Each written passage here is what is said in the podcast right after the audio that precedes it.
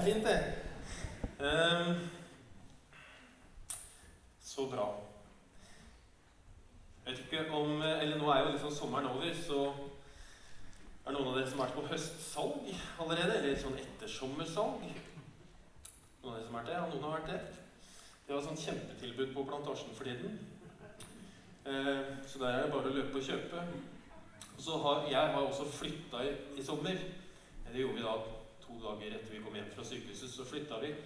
Og da da vi rakt, rett rukket å være på blåbærtur og plukke blåbær. Noen som har plukka blåbær i skogen? Det er en sånn kjempeblåbærsesong. Eh, og så har de gått helt tom for, for liksom blåbær på butikken. Så på Rema 1000 så selger de nå blåbær i stykkpris. Så det kan jo bli litt sånn relativt kostbart. Men selv om eh, vi ikke har vært i skogen, så har jeg vært en tur innom eh, bestefar. Jeg har en bestefar som er over 90 år. Eh, og, han, og så fant jeg noe artig i skapet hans. For det er liksom ikke, Blåbær er jo sunt for kroppen, og det var jo evig, men det gjør jo jammen sånn vademekum òg. For da får du liksom frisk pust i 100 år. Det er ganske bra. Eh, men der på den omsorgsboligen som han bor, da, så har de ulike sånne aktiviteter for de som bor der. De er liksom bingo her av og til, og så har de liksom noen som synger og spiller. Og så er det også sånn at du kan få mulighet til å lære å spille trekkspill. Eh, men helst ikke, egentlig. I hvert fall ikke angre på det. Vi en, eh, skal ha en serie i fem uker som heter 'Du vil ikke angre'. Eh, og den handler egentlig om innflytelse. Eh, for vi tror at, og vi vet jo det alle sammen, at vi har innflytelse på andre mennesker. Noe på godt og noe på vondt. Så er det faktisk sånn at vi tenker at du kan planlegge denne innflytelsen. Du kan ha et bevisst forhold til den. Og du kan til en viss grad velge hva slags innflytelse du ønsker å ha.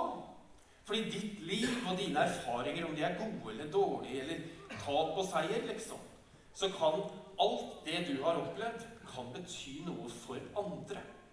Og så vet vi at det betyr noe for Gud når du bruker din innflytelse til det gode. Og så spør vi hvem vil du være? Eh, du kan jo ikke akkurat velge om du er liksom høy eller lav. Men du kan velge litt hvem du ønsker å være for andre.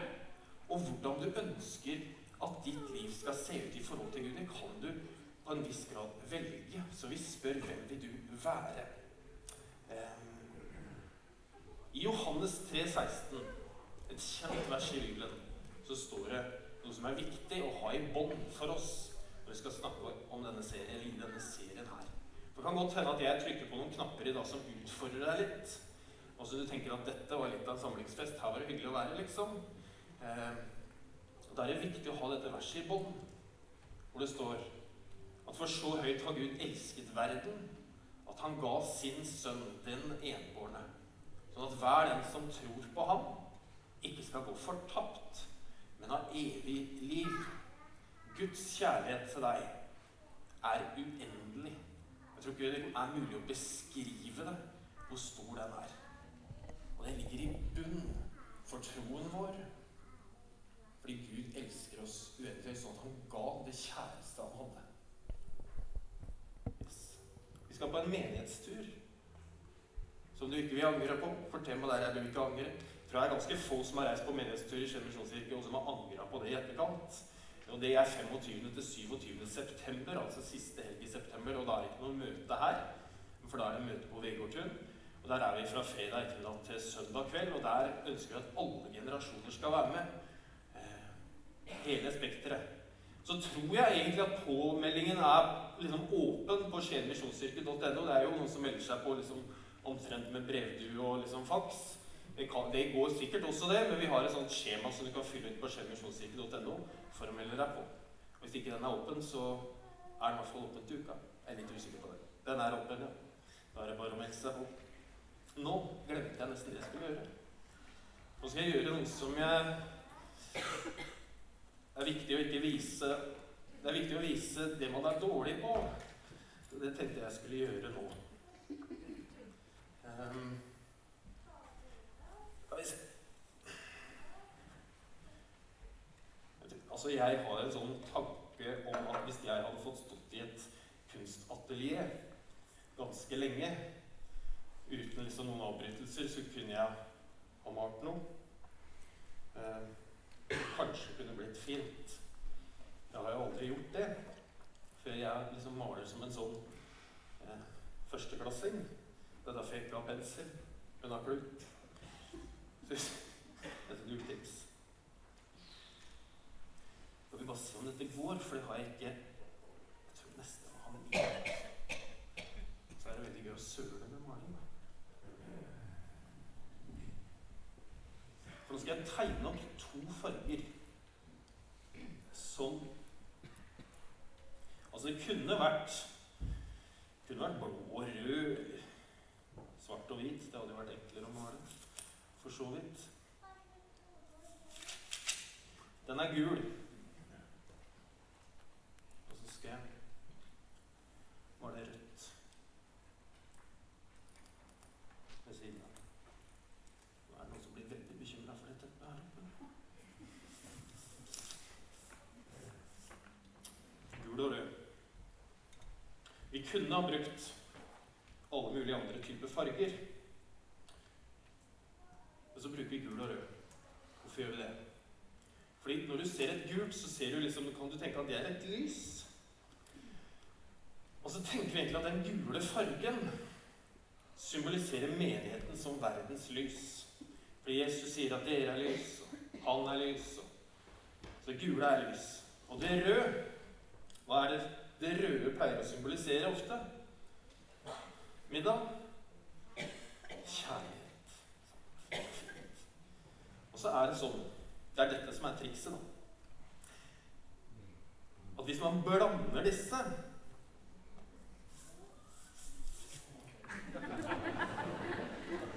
så blir det fremdeles gult og rødt. Så dette er jo Skulle nesten vært på bil. Hvis man blander de, så blir det en annen farge. Det blir oransje. Det blir ikke oransje her. Men det skal bli oransje. Tror du jeg har en sånn framtid som sånn kunstmaler? Nei. Rett og slett ikke. Det blir oransje. Det betyr at menigheten som lyset, som verdens lys og verdens håp, og kjærligheten i hjemmet blir et samarbeid. Og det er egentlig det vi skal snakke om i denne serien. Og så er det ikke farger som er viktig, det er symbolikken. Hvis du skal huske liksom én ting fra denne talen her, så er det i hvert fall hvor dårlig jeg er til å male. Men da husker du gult og rødt og oransje. Og kanskje hva som er poenget. Men samarbeid i forhold til hva? Jo, tro og trosopplæring. For vi tror at den viktigste kilden til kjærlighet, den er hjemme. Og så tror vi at en menighet så, finnes, så kan det finnes en del kunnskap og en del tips og en del råd som kan inspirere det. Og så kan du kanskje tenke hvorfor i all verden skal Kirke begynne å blande seg bort i hjemmet? Er liksom ikke det ja, Vet ikke hvem sin oppgave det er, egentlig. Og hvorfor skal menigheten eller vi da bry oss om hva som skjer hjemme? Det var en undersøkelse som er lenge siden, det fra 2003. Eh, fra noe som heter Barna Institute i USA. Eh, Barna Institute er en sånn kjempestor eh, gruppe, organisasjon, hvor de, driver, de undersøker på religiøst ståsted og masse ting. Og de har intervjua hundretusenvis av ungdom. Så har de spurt hvem er det som er din viktigste påvirker for din tro. Og da er det tre stykker som kommer soleklart mest ut. Over 80% svarer at mamma betyr, har betydd mest for utviklingen av min tro. Så er det over 70% som liksom klikker også på pappa. Det betyr utrolig mye. Og så er det også besteforeldre, som betyr mye for hvordan ungdommer i USA eh, har et forhold til en tro. Og så kan du spørre hvor er pastoren hen, og ungdomspastoren hen? og Vi drar på misjonsturer og sånt. Hvor mye betyr det, liksom, for hva slags tro vi ender opp med? Og så har jo pastoren en ganske sånn høy stilling i USA, helt annerledes enn det det er her. Så pastoren kommer ganske høyt opp, for han kommer på en sjuendeplass når man summerer. Og Hvis man drar på leir, så kommer det på åttende. Hvis man ser på ungdomsgruppelederen, sånn som Sara og, og Torbjørn, så er de helt nede på trettendeplass av de som har påvirkning. Så skal vi ikke si så mye om disse misjonsreisene, men det kommer ganske langt ned. Og så er poenget det ikke nødvendigvis å være opptatt av tallene. Det er kanskje noe av det som ligger bak. Um, nesten halvparten av de som tar imot Jesus og sin Herre og Frelser, gjør det før de er 13 år. 64% gjør det før de fyller 18. Og 77 gjør det før de fyller 21 år. Det er ganske høye tall. Og så tenker jeg at da er det sant, det som står i Ordspråkene 22,6, hvor det står Lær den unge den veien han skal gå, så viker han ikke fra den selv når han blir gammel. For fire år siden så spurte de mange, mange ungdommer Nei, det gjorde ikke. Eh, det sies, altså I 2011 var det en undersøkelse som hvor svaret var at tre av fem ungdommer forlater, altså kristne barn, forlater troen når de går ut av videregående skole. Det er mange som tar imot Jesus før de blir 18, og så er det tre av fem som forlater den når de, når de går ut av videregående skole. Og så spurte de ungdommene hvorfor, hvorfor har dere gått bort fra troen. Dere har flytta hjemmefra. Og så er det to svar som peker seg ut. Og Det ene er at ungdommene opplevde at Bibelen og Gud ikke betydde noe hjemme. Det betydde bare noe i menigheten. For i menigheten så var mamma og pappa de var snille og greie og blide og omgjengelige. Mens hjemme så var det helt annerledes. De levde to typer liv. Noen vil jo kalle det for hyklersk. Jeg skal ikke gjøre det. Men noen vil jo kalle det for å leve to typer liv. Den andre årsaken var at ungdommen så på media og venner og skole som mer relevant enn Bibelen og Guds ord. Så når de spurte seg rundt ja, hva med seksualitet, hva med å leve sammen, hva med kropp, hva med verdier og hva som er viktig, så var ikke Bibelen relevant. Og så kan du si USA er USA. Det er jo ikke sånn i Norge. For der er det jo liksom helt annerledes enn det det er her. Og så er det ikke gjort noen sånn undersøkelse i Norge. Jeg vet at de jobber med det. Vi har ikke gjort en sånn undersøkelse i Norge. Og så tenker jeg, så kan du henge deg opp i tallet at det er tre av fem. Det er ikke så mange, kanskje én av fem eller to av fem. Så tenker jeg det er ikke poenget heller. Hvor mange eller Men poenget er jo det som ligger bak. At det er mange som forlater troen når de går ut av videregående. Det er mange som opplever at man lever ett liv i menigheten, og så lever man ett liv hjemme. Og så er det ikke samsvar. Og så opplever man kanskje at den undervisningen man får, den snakker om noe som er helt irrelevant for mitt liv når det kommer til stykket, men jeg virkelig må velge mellom noe sånt. Det er ikke det Da ser ikke Bibelen etter svar. Ja. Og så har jeg et viktig punkt som jeg vil si. Fordi noen av dere som sitter her i dag, eh, har ikke barn selv. Og så tenker du skal du snakke fem uker om barn og familier. Vi har jo ikke barn. Dette er ikke relevant for meg. Og så tenker vi at du har alltid noen barn rundt deg. I hvert fall her. Eller i nabolaget ditt.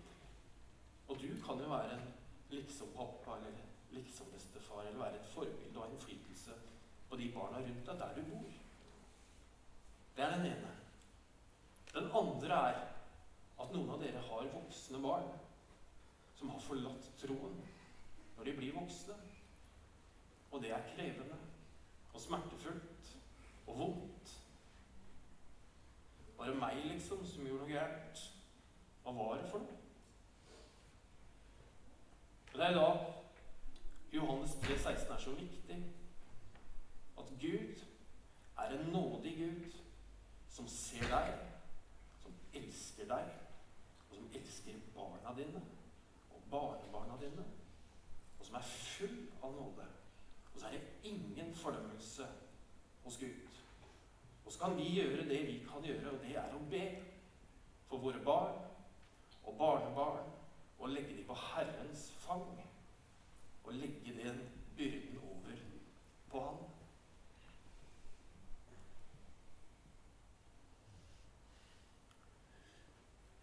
I 5. Mosebok 6,44 så står det et nøkkelvers som skal på en måte følge oss disse fem ukene. Der står det Hør, Israel. Herren er vår Gud. Herren er én. Du skal elske Herren din Gud av hele ditt hjerte, av hele din sjel, av all din makt. Disse ordene som jeg pålegger deg i dag, skal du bevare i ditt hjerte. Du skal gjenta dem for dine barn og snakke om dem når du sitter i ditt hus, og når du går på veien, når du legger deg, og når du står opp. Du skal binde dem, binde dem om hånden som et tegn, og ha dem på pannen som et merke. Det er ikke mange som har det, kanskje. På pannen som et merke. Og så skal du skrive dem på dørstolpene i huset ditt og på portene dine. Ofte tenker jeg at vi har gått oss litt sånn vill. Eh, For vi tenker, kan fort tenke at det som har med tro å gjøre, det som har med bønn å gjøre, det fikser de på BIM. Eller det fikser de på loftet. Og så skal jeg være mamma og pappa hjemme. Visste du at en barneleder, hvis man, hvis man er på BIM da, hver søndag det, så, så Linda, som er barne- og familiepastoren vår, hun får kanskje 40 timer i løpet av et år sammen med ditt barn eller ditt barnebarn. Mens du som mamma og pappa, når man liksom kutt, altså tar ned, tar bort da, skole, barnehage og søvn og sånt, så sitter du igjen med ca. 3000 timer som du er sammen med barnet ditt. Da er det jo helt tydelig hvem som har mest å si.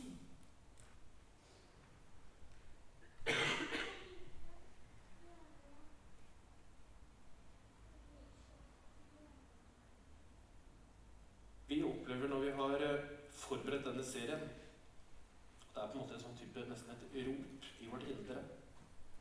At det reiser seg noen åndelige mødre og fedre som ber for barnefamilier, ungdommer og unge voksne. Som veileder dem, som snakker med dem, og som er nær. Og det er et sånt rop om et engasjement for en innflytelse som du kan velge å ha. Jeg tenker, Ser barna dine eller barnebarna dine at du er delaktig i deres tro? Ser de at du tjener Herren med dine gaver? Ser de at troen din er viktig for deg? Eller er det noe du tenker at dette er mitt, liksom? Det er min privatsak? Fordi du som mor, far og besteforeldre er jo en av de tre viktigste personene i forhold til påvirkning av tro. Og tar du det på alvor ved å være delaktig i barnas tro? Egil Svartdal sier i sin bok 'Gi det videre' at dersom vi mister småbarnsfamiliene, så mister vi to generasjoner i menigheten. Og Det er jo derfor vi satser på barn og unge, som det heter. Det er jo derfor vi gir rom for å løpe i gangene her. Det er jo derfor vi syns det er greit at man spiller på trommer etter møtet. Det er jo derfor vi bruker mye ressurser på barne- og ungdom og familiearbeid. Fordi hvis vi mister den generasjonen som vokser opp, så mister vi to. For da mister vi foreldrene, og så mister vi barna. Og hvis vi mister dem, så vil vi fremdeles feire 160-årsjubileum til neste år. Men etter hvert så dør vi ut fordi vi mister to generasjoner. Og hvis vi mister dem, så er det veldig, veldig mange som mister troen på Jesus. Fordi vi tror at menigheten er verdens håp. At det er verdens håp for de gamle, at det er verdens håp for de unge, for de som er syke, for de som er svake, for de som har en sterk tro, for de som tviler masse, for de som tviler lite, for de som er fattige, for de som er syke, og for de som er sterke og ressurssterke, så er vi overbevist om at menigheten er verdens håp. Fordi Jesus er verdens håp. Jesus han leda jo tusenvis av mennesker til tro. Men han investerte i og delte liv med noen få. Paulus som planta masse menigheter rundt Middelhavet. Der var det ikke noe kirkebygning. Det var ikke noe lovsangskor. Det var nok kirkekaffe, for det var liksom kirkemiddag. Det var ikke noe kirkebygning, fordi menigheten var der Guds folk var. Og så er jeg glad for at Skien misjonskirke er mer enn gudstjenesten. Er det mange som er glad for det? Jeg lover å reise opp en hånd. Fordi gudstjenesten er viktig for ditt gudsliv. Men ditt gudsliv er mye, mye mer enn gudstjenesten. Og Det er jo derfor vi sier at smågruppene våre er ekstremt viktige. For her er vi tett på hverandre, vi er tett på liv, vi er nære. Og vi kan snakke om det som vi ikke kan snakke om i benkeraden, og så har vi noen du kjenner. Smågruppen er ekstremt viktig for vårt gudsliv. Når Paulus, han skriver, Paulus og Timoteus de skriver et brev til Tessaloniker-menigheten, hvor de sier vi elsker dere så høyt at vi ikke bare ga dere det glade budskapet fra Gud, men vi var også villige til å risikere livet for dere. Vi hjalp dere på alle måter.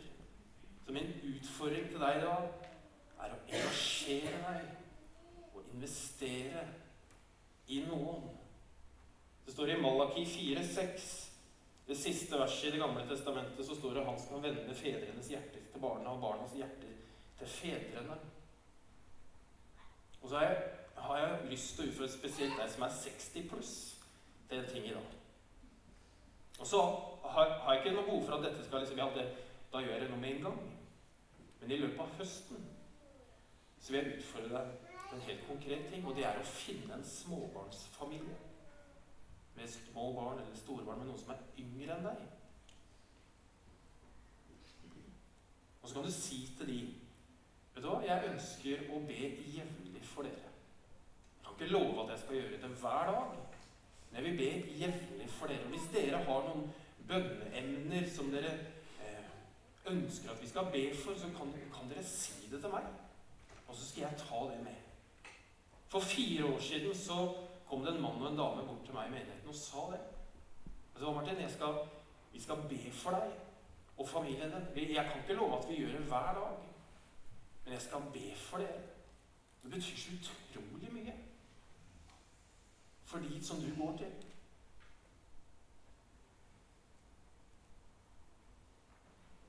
Og så tenker jeg vi som er av den yngre generasjonen, vi kan jo gjøre motsatt. Det er masse eldre. Eller 60 pluss, det er kanskje bedre å si. Eh, og så er man kanskje ikke eldre når man er 60 pluss. Så jeg er lei for det. Eh, det er mange eh, voksne mennesker i denne menigheten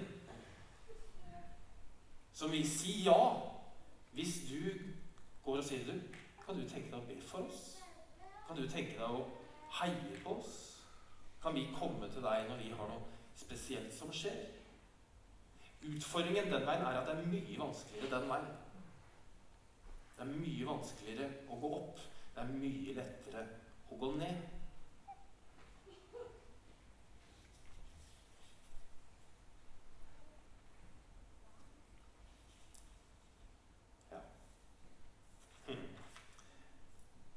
Du har en utfordring til. Nå har liksom vært en til de eldre, en til de yngre, og så er det en til begge. Så er vi snart ferdig. Det er en ting som jeg undres over, som forundrer meg. Ved hver eneste oppstart på høsten og på etter jul. Og det er at Linda vrir seg i håret etter ledere på BIM. Det skjønner ikke jeg. Hver eneste seg i håret fordi den mangler ledere på BIM. Og så kan vi jo tenke sånn Ja, det ordner seg jo alltid. Får, altså, og, og, Gud sender jo til oss de vi skal bruke, og liksom, sånn og sånn, liksom. Så det ordner seg jo alltid. Men det forundrer meg at vi ikke har et renn av engasjerte foreldre og besteforeldre som sier at vet du hva, jeg vil tjene på BIM. Eller jeg vil være leder på loftet. Jeg vil ikke bare være sjåfør drosjesjåfør og kjøre og hente, men jeg vil være der og engasjere meg, sånn at barna ser at min tro betyr noe for meg i praksis. Så min utfordring til deg da er å engasjere deg. Velg innflytelse. Velg å engasjere deg. Og så er jo jeg helt sikker på at hvis du velger å engasjere deg, så kommer det til å bli slitsomt. Du verden. Og du kommer til å ikke ha lyst til å gjøre det. Du har lyst til å slutte. Du har lyst til å gjøre noe Du har lyst til å være hjemme på gullrekka på fredag og Skavlan og, og, sånt. Og du har lyst til å ha lange søndagsfrokoster, sånn at vi ikke være her klokka liksom ti eller halv ti, liksom. Nei. Så det vil jo koste noe. Men vi tror at du vil ikke angre på det. Hvis du engasjerer deg i ditt barn i ditt barnebarns trosopplæring, så vil du ikke angre på det. Skal vi be. Herre, takk for at du er en god og nådig Gud som vil det beste for oss. Takk, Herre, for at du, du kommer ikke med krav. Du kommer ikke med ting vi må gjøre. Men hos deg er det full frihet og nåde til å velge vår vei. Jeg ber om, Herre, at du skal kalle på noen som ønsker å gå et skritt til for å engasjere seg og for å tjene deg og dine barn. Så vet ikke jeg hvor dette lander, Herre, men jeg ber om at du skal gi oss mot og visdom til å vite hvem vi skal gå til, eller hva vi skal gjøre, så ber jeg om at du gir oss styrke og mot til å gjøre